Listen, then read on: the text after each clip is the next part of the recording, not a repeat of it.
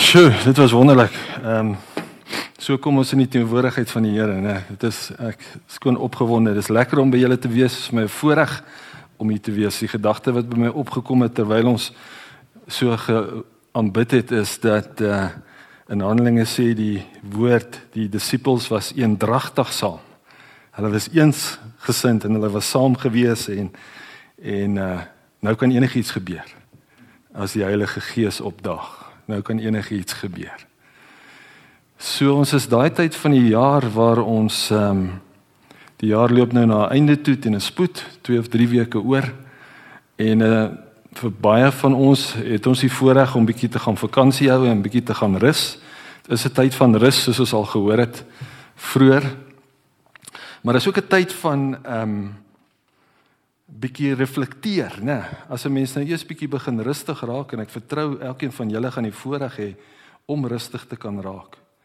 Bietjie te reflekteer op ehm um, wat gebeur het in hierdie jaar? Goed en sleg, wat ook al. Ehm um, om bietjie te dink oor wat gaan die nuwe jaar dalk inhou? Praat nie van nuwe jaar voornemens nie, maar mense dink mos nou maar terug en jy dink vorentoe.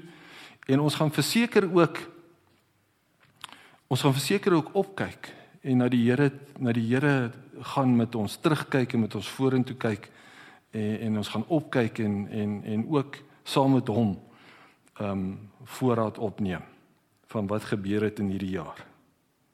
Maar 'n ding wat ons baie min doen en wat wat die Here van ons eintlik vra is om ook nie net agtertoe of vorentoe of op te kyk nie, maar ook na binne toe te kyk. Om te kyk maar waar is my hart aan die einde van alles wat gebeur het in hierdie jaar? Wat gaan aan in my hart? Wat is die toestand van my hart? Dis die diepste wese van my as mens. Dis daar waar die Heilige Gees ook woonplek gemaak het. Is in my hart en in my gees. En dit is daai deel van ons wat ons nie kan wegsteek vir die Here nie, maar baie maklik kan wegsteek vir ander mense.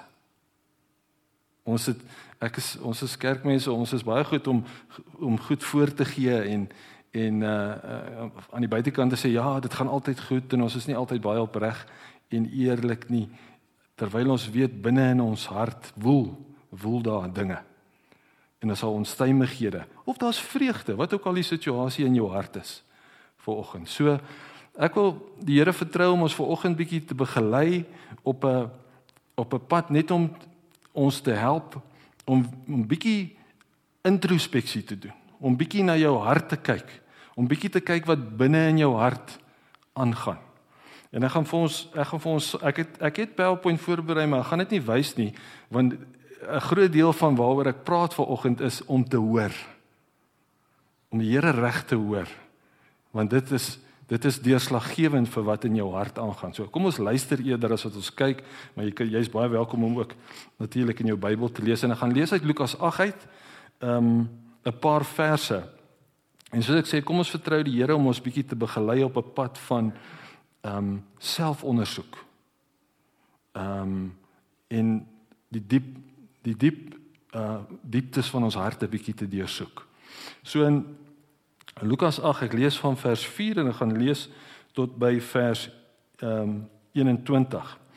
Uit die verskillende dorpe het aanhoudend mense na Jesus toe gestroom en toe 'n groot menigte saamgekom het, het hy vir hulle 'n gelykenis vertel.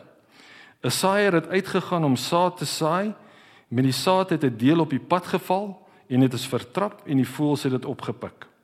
'n ander deel het op 'n klipbank geval en nadat dit opgekom het, het dit het dit verdroog omdat dit geen vogtigheid gehad het nie. Nog 'n ander deel het tussen die onkruid geval en die onkruid het daarmee saamgegroei en dit laat verstik. Daar was ook 'n deel wat op goeie grond geval het en dit het opgekom en 'n honderdvoudig oes opgelewer. Toe hy dit gesê het, roep hy uit: "Wie ore het en kan hoor, moet luister." Sy disippels het hom gevra wat die betekenis van hierdie gelykenis is. Hy het hulle geantwoord as as julle aan julle is dit gegee om die geheime van die koninkryk van God te ken. Maar vir die ander bly dit by gelykenisse sodat hulle kan kyk sonder om te sien en hoor sonder om te verstaan. En nou verklaar Jesus die gelykenis. Die betekenis van die gelykenis is die saad is die woord van God. Die wat op die pad val, dui op mense wat die woord hoor, maar dan kom die duiwel en neem dit uit hulle harte uit weg, sodat hulle nie tot geloof kom en gered kan word nie. Die wat op die klipbank val, dui op hulle wat die woord met blydskap aanneem wanneer hulle dit hoor, maar dit skiet nie wortel nie. Hulle geloof hou net 'n tydjie. Die oomblik dat dit op die proef gestel word, gee hulle moed op. Die saad wat teen die tussen die onkruid val, dui op die wat die woord hoor, maar deur die sorges en deur die rykdom en die genietinge van die lewe word dit gaandeweg verstik en dit skiet nie saad nie. Die deel wat in goeie grond val, dui op die wat die woord met 'n goeie en opregte hart hoor en dit bewaar en deur volharding vrug dra. Niemand steek 'n lamp op en maak dan met maak dit dan met iets toe of sit dit onder 'n bed nie. Inteendeel, hy sit dit op 'n staander sodat die mense wat binnekom die lig kan sien. Daar is niks geheim wat nie geopenbaar sal word nie of weggesteek wat nie bekend sal word en aan die lig sal kom nie. Pas pas dus op hoe jy luister. Want wie wie het vir hom sal daar nog meer gegee word, maar wie nie het nie van hom sal van hom sal ook wat hy dink hy het weggevat word. Die moeder en die broers van Jesus het na hom toe gekom, maar vanweë die gedrang kon hulle nie tot by hom kom nie. Iemand sê toe vir hom: "U moeder en u broer staan buite en hulle wil met u praat." En Jesus sê vir hulle: "My moeder en my broers is die wat na die woord van God luister en daarvolgens handel." So ek dink die Here wil vir ons iets hier sê oor die toestand van 'n mens se hart en en hy hy praat eintlik oor vier toestande hierso. Ehm um, maar voor ek daar gaan wil ek wil ek net eers vir julle bevestig dat hierdie woord wat ons lees, wat ons lees elke dag en wat ons ver oggend gelees gelees het, is die swaard van die gees.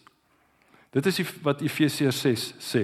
Dit is die swaard van die gees en dit is 'n swaard wat diep sny. Luister net bietjie wat sê ehm um, Hebreërs 4 vers 12 en 13 oor die woord van die Here, die Bybel, dit wat ons nou gelees het. Hierdie is nie net sommer 'n boek nie.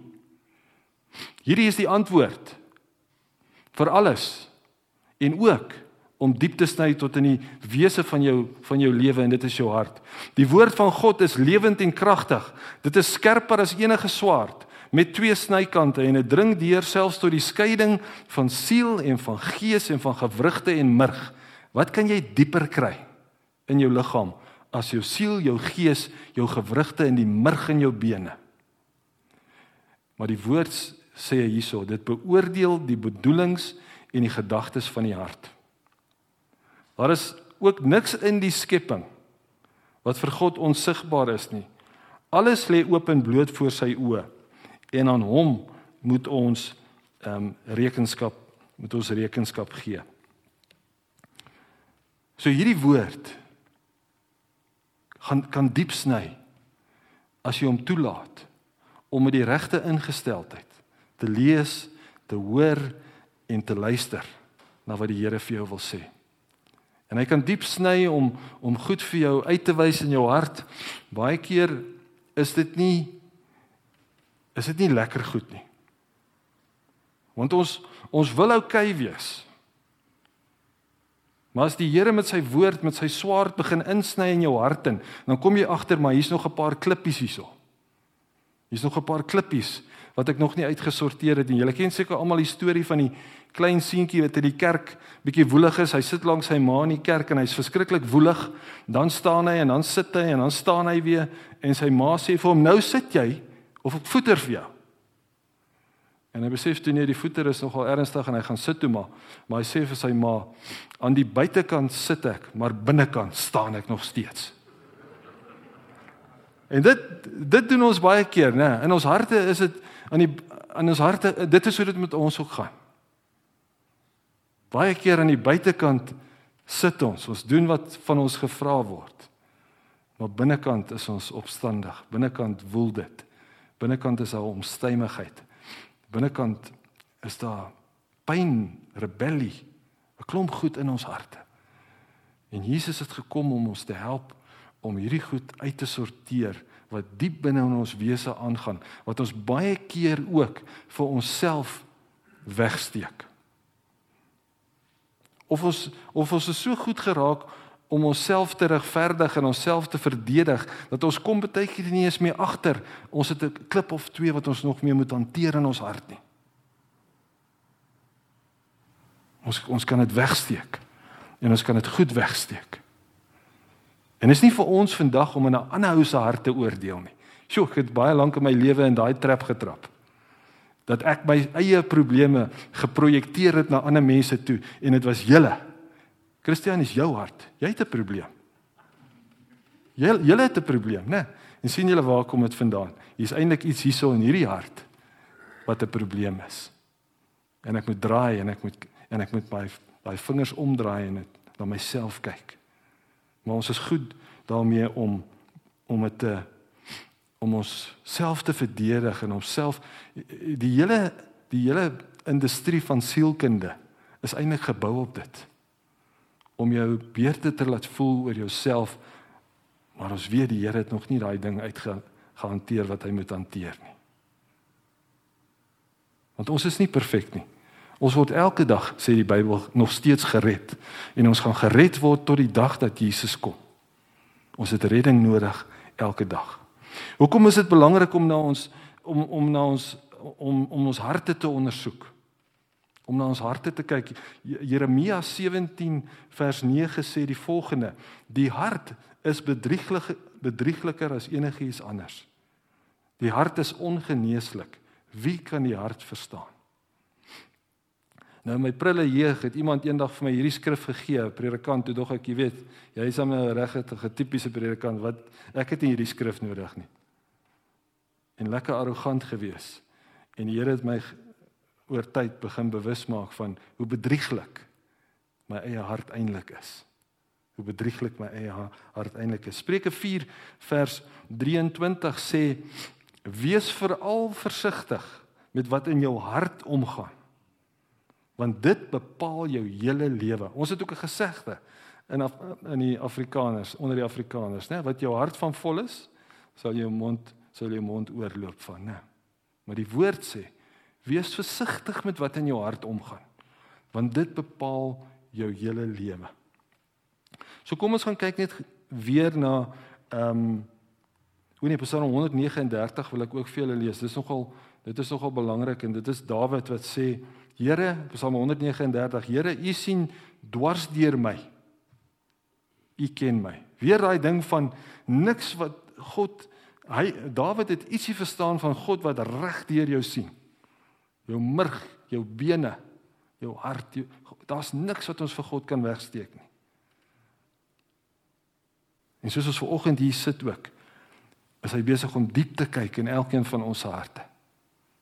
En dis nie sleg nie. Dis goed. Dit gaan dit kan baie keer 'n bietjie pynvol wees, maar dit bly goed. Want Dawid bid en hy bid in opregtheid die volgende bed, gebed en dis 'n gebed wat ek glo ons elkeen moet bid. Hy sê: "Deurgrond my Here." Dit wil sê check my uit. Kyk, kyk wat hier aangaan. Deurgrond my. Deurgrond my hart sê hy aan die einde van Psalm 139. Ondersoek my, sien tog die onrus in my raak. Kyk ek kyk asseblief Here of ek nie op die verkeerde pad is nie en lei my op die regte pad. En ek dink dis een van die hoofredes waarom ehm um, Dawid na verwys word as 'n man na die hart van God. Want hy het nie hy het sy foute gehad soos ek en jy. Ons het almal foute. As kinders van die Here is ons nie perfek nie. Ons is nie skielik hierdie engel, engel engeltjies geword nie. Maar wat Dawid 'n man na God se hart gemaak het, was sy opregtheid. Hy was eerlik voor die Here. Hy het gesê hier is ek, Here. Nou moet U kyk. Nou moet U vir my wys. Hier staan ek. Ek maak my ek maak my hart oop. Ek maak my diepste wese oop. En uh wys vir my asseblief. As ons teruggaan na na Lukas ehm um, 8 toe wat ons gelees het, gaan ek net weer vinnig deur verse 11 tot 15 gaan wat dan praat van vier eintlik tipes harte. Die woord word gesaai in alle mense se harte. Ek dink die Bybel sê dit ook totdat almal nie gehoor het nie, sal Jesus nie weer kom nie. Die die punt is net almal neem nie die woord van die Here aan nie. Right? En dit is die eerste groep mense waarvan daar gepraat word in in hierdie gelykenis van die saaier wat nou praat van die woord wat gesaai word. En onthou, die woord word in my en jou lewe gesaai. Elke Sondag word dit gesaai. Vandag word dit gesaai. Elke dag van die week as jy jou Bybel lees of as jy luister na 'n uh, geestelike program of radiokansel of wat ook al, dan dan word die woord in jou gesaai. Maar wat gebeur met daai woord hang af van wat in jou hart aangaan. En die eerste tipe is is die woord wat op die pad geval het. Nou jy kan dink as jy saad op 'n teerpad gooi, né? Wat dit gaan dit gaan niks help nie. En en die Bybel sê dit is mense, dit is mense wat die woord hoor en dan kom die duiwel fisies en hy neem uit hulle harte weg hierdie saad sodat hulle nie tot geloof kan kom en gered kan word nie. Dis die eerste tipe hart. Is dit mense vir wie ons moet bid? Ongelooflik moet bid. In die geestelike stryd wat in hulle lewens is. Want miskien is jy een van daai mense wat besig is om saad te saai in iemand se lewe. Miskien stuur jy 'n vers vir 'n persoon wat jy weet nie die Here ken nie. Jy's die saaier as jy die woord deel met iemand. Maar daar's 'n geestelike stryd wat wat daar uitkom en dis wat die Bybel vir ons volgens sê want die duiwel gaan onmiddellik As daai saad op 'n klipharde hart val, die saad wegvat en daai persoon sal nie tot geloof kom en tot redding kom nie. Maar ons kan bid. Die tweede tipe hart waarop die saad van die woord val, ehm um, is die wat op die klipbank geval het. So amper net soos die pad, maar op die klipbank. Dit dui op die die woord wat met blydskap aangeneem word wanneer mense dit hoor, maar dit skiet nie wortel nie. Hulle hulle geloof hou net 'n kort tydjie. Partykeer is dit in 'n Sondagoggend so fenomenaal om die woord van die Here te te hoor. Dit inspireer jou, jou tel jou op, dit bou jou op, maar net na middagete dan voel jy weer jy kom hierdie depressie. Jy kom hierdie swaarmoedigheid oor my. Waar val? Wat is dit in jou hart wat die saad nie laat wortel skiet nie? Die derde groep is die saad wat wat tussen die onkruid val. En dit is mense wat die woord hoor, maar die, maar die sorges en die rykdom en die genietinge van die lewe verstik dit gaande weg en dit skiet ook nie saad nie. So die die die ouens wat op die klipbank geval het, dit het nie eens wortel geskiet nie. Maar die wat op die op die tussen die onkruid val, het wel wortel geskiet want dit dit groei op. Daar is tog groei, maar daar's nie vrug nie. Daar's nie vrug nie in die pers in die persoon se lewe nie. Want daar is te veel ander dinge wat te swaar druk op jou lewe en op jou hart en op jou omstandighede. Die woord sê baie duidelik in in uh, uh Matteus 6. As ek reg kan onthou Matteus 6 dat ons moet ons nie bekommer oor die sorges van die lewe nie, né, oor wat ons moet aantrek en wat ons moet eet nie. Bekommer jou allereers, soek allereers die koninkryk van God en sy geregtigheid en hy sal vir jou daai goed bygee. En as ons eerlik moet wees met ons vanoggend sê baie keer is, is my hart een een van daai. Ek hoor die woord. Ek verstaan die woord. Die woord is vir my kosbaar. Maar as ek hier uitstap en maandagooggend slaan die tekkie die teer, dan verloor ek daai perspektief en dan begin dinge my druk. En die woord het nie kans om op te skiet en vrugte te dra nie. Dis gewortel. Dis gewortel, maar dit dra nie die vrugte wat dit moet dra nie. En dan is daar die vierde tipe hart en dit is die dis die deel wat in die goeie grond val en dit ehm um, die wat die woord met 'n goeie en opregte hart hoor en dit bewaar en deur volharding vrug dra. Luister hoe wonderlik is dit nie wat hier staan nie.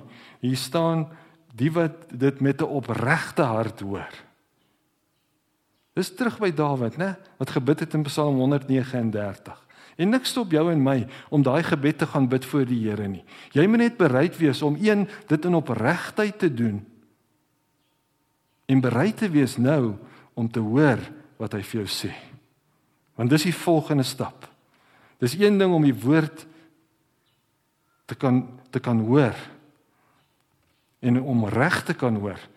Dis dis 'n volgende ding om dan te gaan doen wat die Here vir jou sê.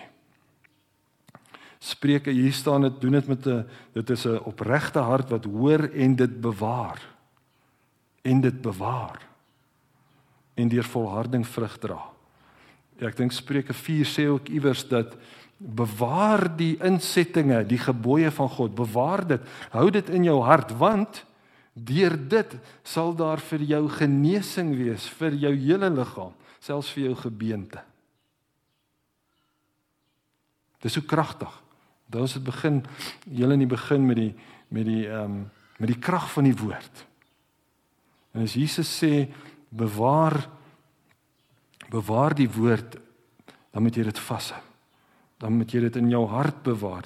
Die kluis vir die woord in jou liggaam is jou hart, is jou gees.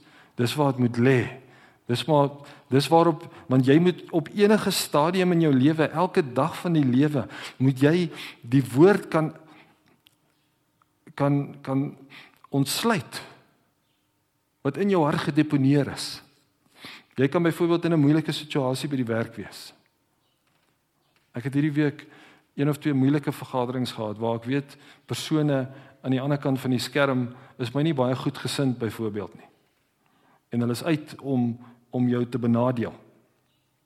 Ek het 3 weke terug geskryf daaroor gekry wat gesê het geen geen uh, uh wapen wat teen jou gevorm geword of geen woord wat teen jou gesê uh geword sal sal vrugte dra nie. So ek staan toe op daai woord. Dis die eerste woord. Maar hoe nader daai uh meeting tyd kom en ek ken hierdie twee persone, hoe meer angstig raak ek. Want ek is nie meer lus vir hierdie interaksie, hierdie tipe van interaksie nie. En iets die Heilige Gees sê vir my gaan na die woord toe. En die Here gee vir my Efesiërs 6 vers, ek dink is 10 of 11, net voor die wapenrusting wat sê word word sterk in die Here word kragtig in die Here. En daar's 'n kruisverwysing uit daai skrif uit na Timoteus toe en ek dink nog 'n ander woord wat sê my kind, my seun, vertrou op my. Daar's die woord. Daar's die woord en ek vlieg deur daai meeting asof niks gebeur het nie. Dis nie net sommer so nie. Broeders en susters. Dis die krag van die woord dat ons 24 uur van elke dag tot ons beskikking het wat ons kan uitruk wat ons in situasies voor die vyand kan neerset voor voor ons in ons eie situasies die woord kan bid. As niks kragtiger is dit nie. En daarom moet ons ook die woord ken en daarom moet ons ook die woord verstaan en daarom moet ons die woord bewaar en daarom moet ons ons kinders leer wat in hierdie boek staan wat in die Bybel staan. Dit is krities Dis nie net 'n eeue oue boek met wonderlike gesegdes en 'n en, en mooi geskrifte nie. Dis die woord, die lewende woord van God. Wat diep kan sny. So wat wil die Here van ons wat vra die Here van ons in terme van ons eie harte weer vandag? Gaan ondersoek jouself. Hoe ervaar jy dit? Wat gebeur met die saad wat elke elke dag en elke week op jou hart gesaai word? Wat gebeur met daai saad? Kultiveer jy dit? Is jy is dit vir jou kosbaar? Is dit vir jou belangrik om met die woord van die Here om te gaan? En te weet, dit is die enigste rots waarop ek kan staan en waarop ek kan bou. Want die implikasie is as die van dit is dat as jy die woord toelaat om in en deur jou lewe te werk, dat jy in der waarheid onder die gesag van Christus buig. Ons het dit net nou gesing ook. Ons buig onsself voor U Here. Ons buig onsself en daarom is dit soos ek vroeër gesê het ook nie baie lekker om baie keer te hoor as die Here dan nou vir ons iets sê nie want dit kom nou by die volgende gedeelte en dit is wat hoor ons regtig as ons die woord lees? Het die Bybel vir ons net 'n inspirerende boek geword wat ons elke dag moet optel soos kafeïen en koffie en ons moet oplig en deur die dag dra. Ja, dit is ook daar vir dit. So presies wat met my gebeur het in daai vergadering. Dit is ook waar. Maar die woord is ultimately deel van die intieme verhouding wat ek en jy met die Here het en as hy vir jou iets wil sê oor wat in jou hart aangaan, dan moet jy bereid wees, dan moet jou ore oop wees om te hoor en te luister wat hy sê. Baie Christene vandag glo ek gaan om met die woord asof dit net it's about uh, self-improvement sê hulle. Solank ek net solank ek net 'n voordeel daar uit kry, solank dit goed gaan met en ons weet dit gaan nie altyd net goed met ons nie. Hoekom nie? Want die Here het gesê ons gaan daai moeilike paaie loop. Maar ons wil net die hele tyd hierdie opkikkers hê. Opkikkers uit die woord. Moenie die Here misbruik en sy woord misbruik op so 'n manier nie. Jy moet ore hê om te kan hoor wat die Here vir jou sê as jy sy woord luister. Lukas 8 vers 8 sê in hierdie gedeelte wat ek gelees het, toe sê toe toe sy uh disippels met hom praat oor hierdie gelykenis, toe sê Jesus, hy roep uit. Nie hy sê nie, hy roep uit. As iemand roep, dan skree hy. Hy sê wie ore het en kan hoor, moet luister. Hoekom sê hy dit? Want ek sê vandag vir julle, dit vat meer as net om vinnig Lukas 8 21 versies te lees, toe te maak. Dankie Here amen en te weg te gaan. Dis nie die jy gaan nie hoor nie. As jy nie as jy nie daar vashak nie. As jy nie daar tyd spandeer nie. En onthou die uitgangspunt is jou hart. My hart. Here praat met my oor my hart. En as dit nie so goed gaan wees wat jy nou vir my gaan sê nie, weet ek u gaan my help. Die Here gaan jou help daarbey. Hy sê in Lukas 8 vers 10 Weer praat hy nou met die uh disippels tussen die voordat hy die die die die gelykenis uitlê. Uh hoekom hoekom wat beteken hierdie ding? Hy sê vir hulle maar vir die ander bly dit gelykenisse sodat hulle kan kyk sonder om te sien en hoor sonder om te verstaan. Baie mense het na Jesus geluister. Baie mense het Jesus gevolg, maar hulle het nie ge, ge, hulle het hom nie gesien vir wie hy is nie. En hulle het nie gehoor en verstaan wat hy vir hulle probeer sê nie. Baie mense en hulle het omgedraai op 'n stadium en gesê, "Wel, dit is nou hoe dit is. Ek gaan nie hierdie man meer volg nie, as hy vir my die moeite werd nie."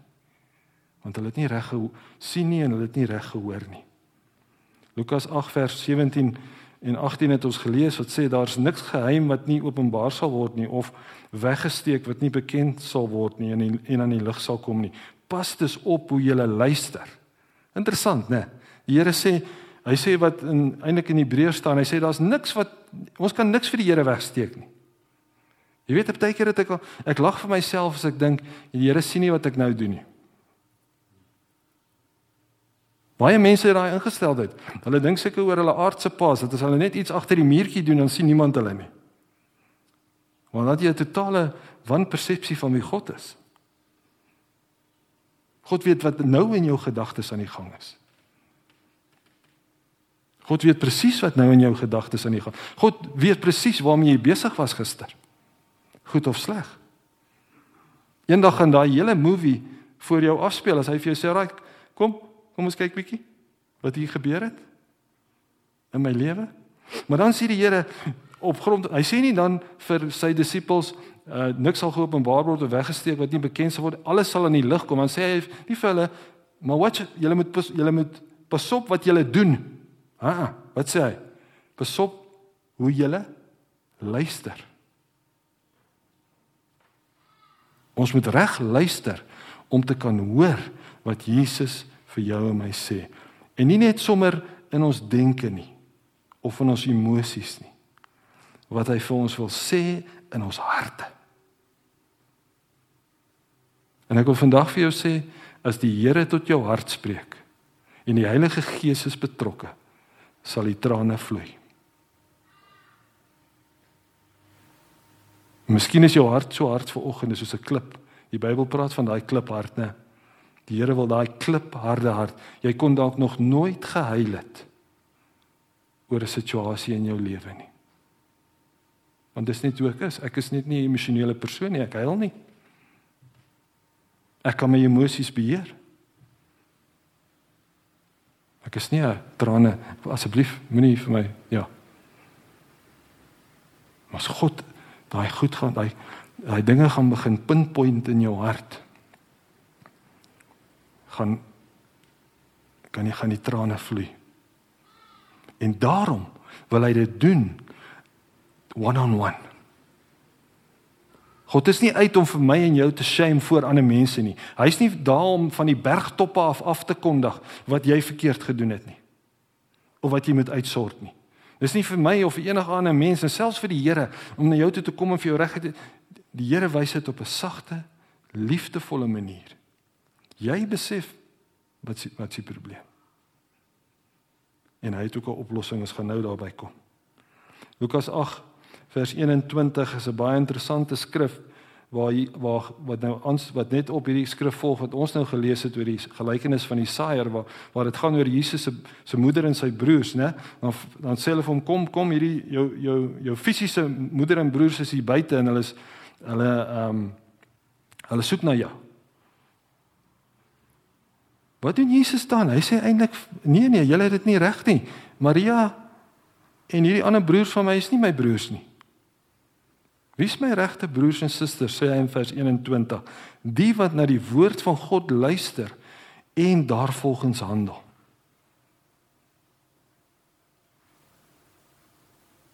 Dit is wie waarlik 'n broer of 'n suster van Jesus is. Ons wat ons knieë buig voor wat hy vir ons sê. En dit is nie 'n dit moenie iets wees soos Stefan sê dit baie om ehm um, die evangelie in Indië te gaan verkondig en jy eet nie eens curry nie. Dis nie daai ding nie. Dis om hom elke dag, elke oomblik van die dag te hoor. Waar hy met jou praat en waar jy jou rig en waar jy jou lei. Leer my Heer, Psalm 25 vers 2, die regte weë. Here wys die regte pad my aan en laat my hart met lus daarop gaan, né? Dis wat dit sê. Laat my hart met lus daarop gaan.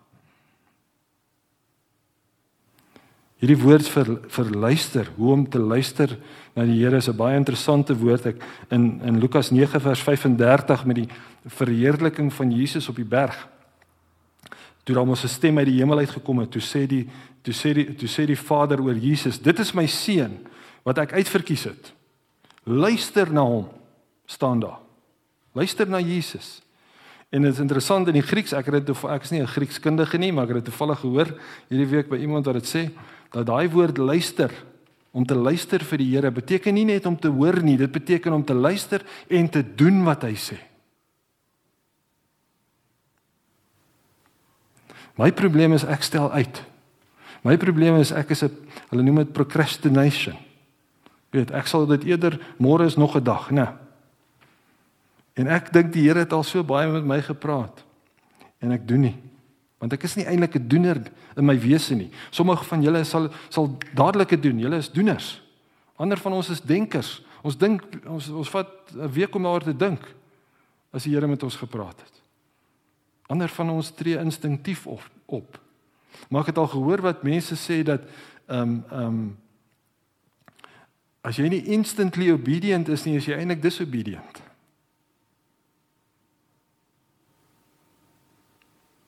Maar baie keer is dit net 'n geval van Here, goed, ek moet bely. In my hart het ek oor hierdie persoon of daai persoon verkeerd gedink. Ek het hulle veroordeel en ek het hulle beoordeel. U woord sê ek mag dit nie doen nie. Vergewe my in Jesus se naam. En jy het die stem van die Here gehoor en jy het gedoen wat hy gesê het. Ek dink die Here het 'n wonderlike ding gedoen met huwelike en dat hy mans en vrouens bymekaar gesit het want dis waar hierdie ding baie keer gebeur. My vrou sê baie keer vir my goed wat ek nie wil hoor nie. En dan doen ek dit ook nie sommer uit rebellie uit nie. Maar ek weet vir my heilige siel wat sy nou gesê het is wat moet gebeur. Dis hoe ek moet verander. Ek is baie lief vir my vrou, maar ek hou nie van die goed wat sy sê altyd nie. Want sy is my helper. Die Here het haar vir my gegee. Dis die stem van die Here getroude mans baie keer in jou lewe. Moenie rebelleer teen jou vrou nie. Die Here het haar daar gesit vir 'n rede en sy is daar om jou te help. So waarvoor die Here ons ver oggend met dit wat in ons harte is om introspeksie te doen om om opreg voor hom te wees, om weg te gaan vandag en uh en jouself voor die Here te bring en te sê, Here, U ken my hart. U ken my beter as wat ek myself ken. Want daar's niks wat jy voor die Here kan wegsteek nie. Help my Here en wys vir my. En die Here het 'n oplossing. Die Here se oplossing vir jou hart van klip of jou hart van onvergifnis of jou hart van woede of van pyn, die oplossing of jou hart vol van sonde waarmee jy nog worstel. Al daai klippe in jou hart. Die Here het 'n oplossing in Jesus wat hy gegee het as jou verlosser en jou redder. En nie net vir Jesus nie, hy het ook vir ons die Heilige Gees gegee. Luister 'n bietjie wat sê Esegiel 36 vers 25 tot 27 as Esegiel profeties praat oor Jesus en die Heilige Gees. Hy sê ek sal reinigingswater oor julle uitgooi. Hy praat nou hier met die volk Israel, maar hy praat ook met ons. Die volk die die Israel die wat in Jesus in uh, ingelyf is, né? Die geestelike Israel is wat ons is. Ek sal reinigingswater oor julle uitgooi sodat julle rein kan word. Ek sal julle reinig van al julle onreinheid en van al julle afgoderry. Ek sal julle 'n nuwe hart gee en 'n nuwe gees.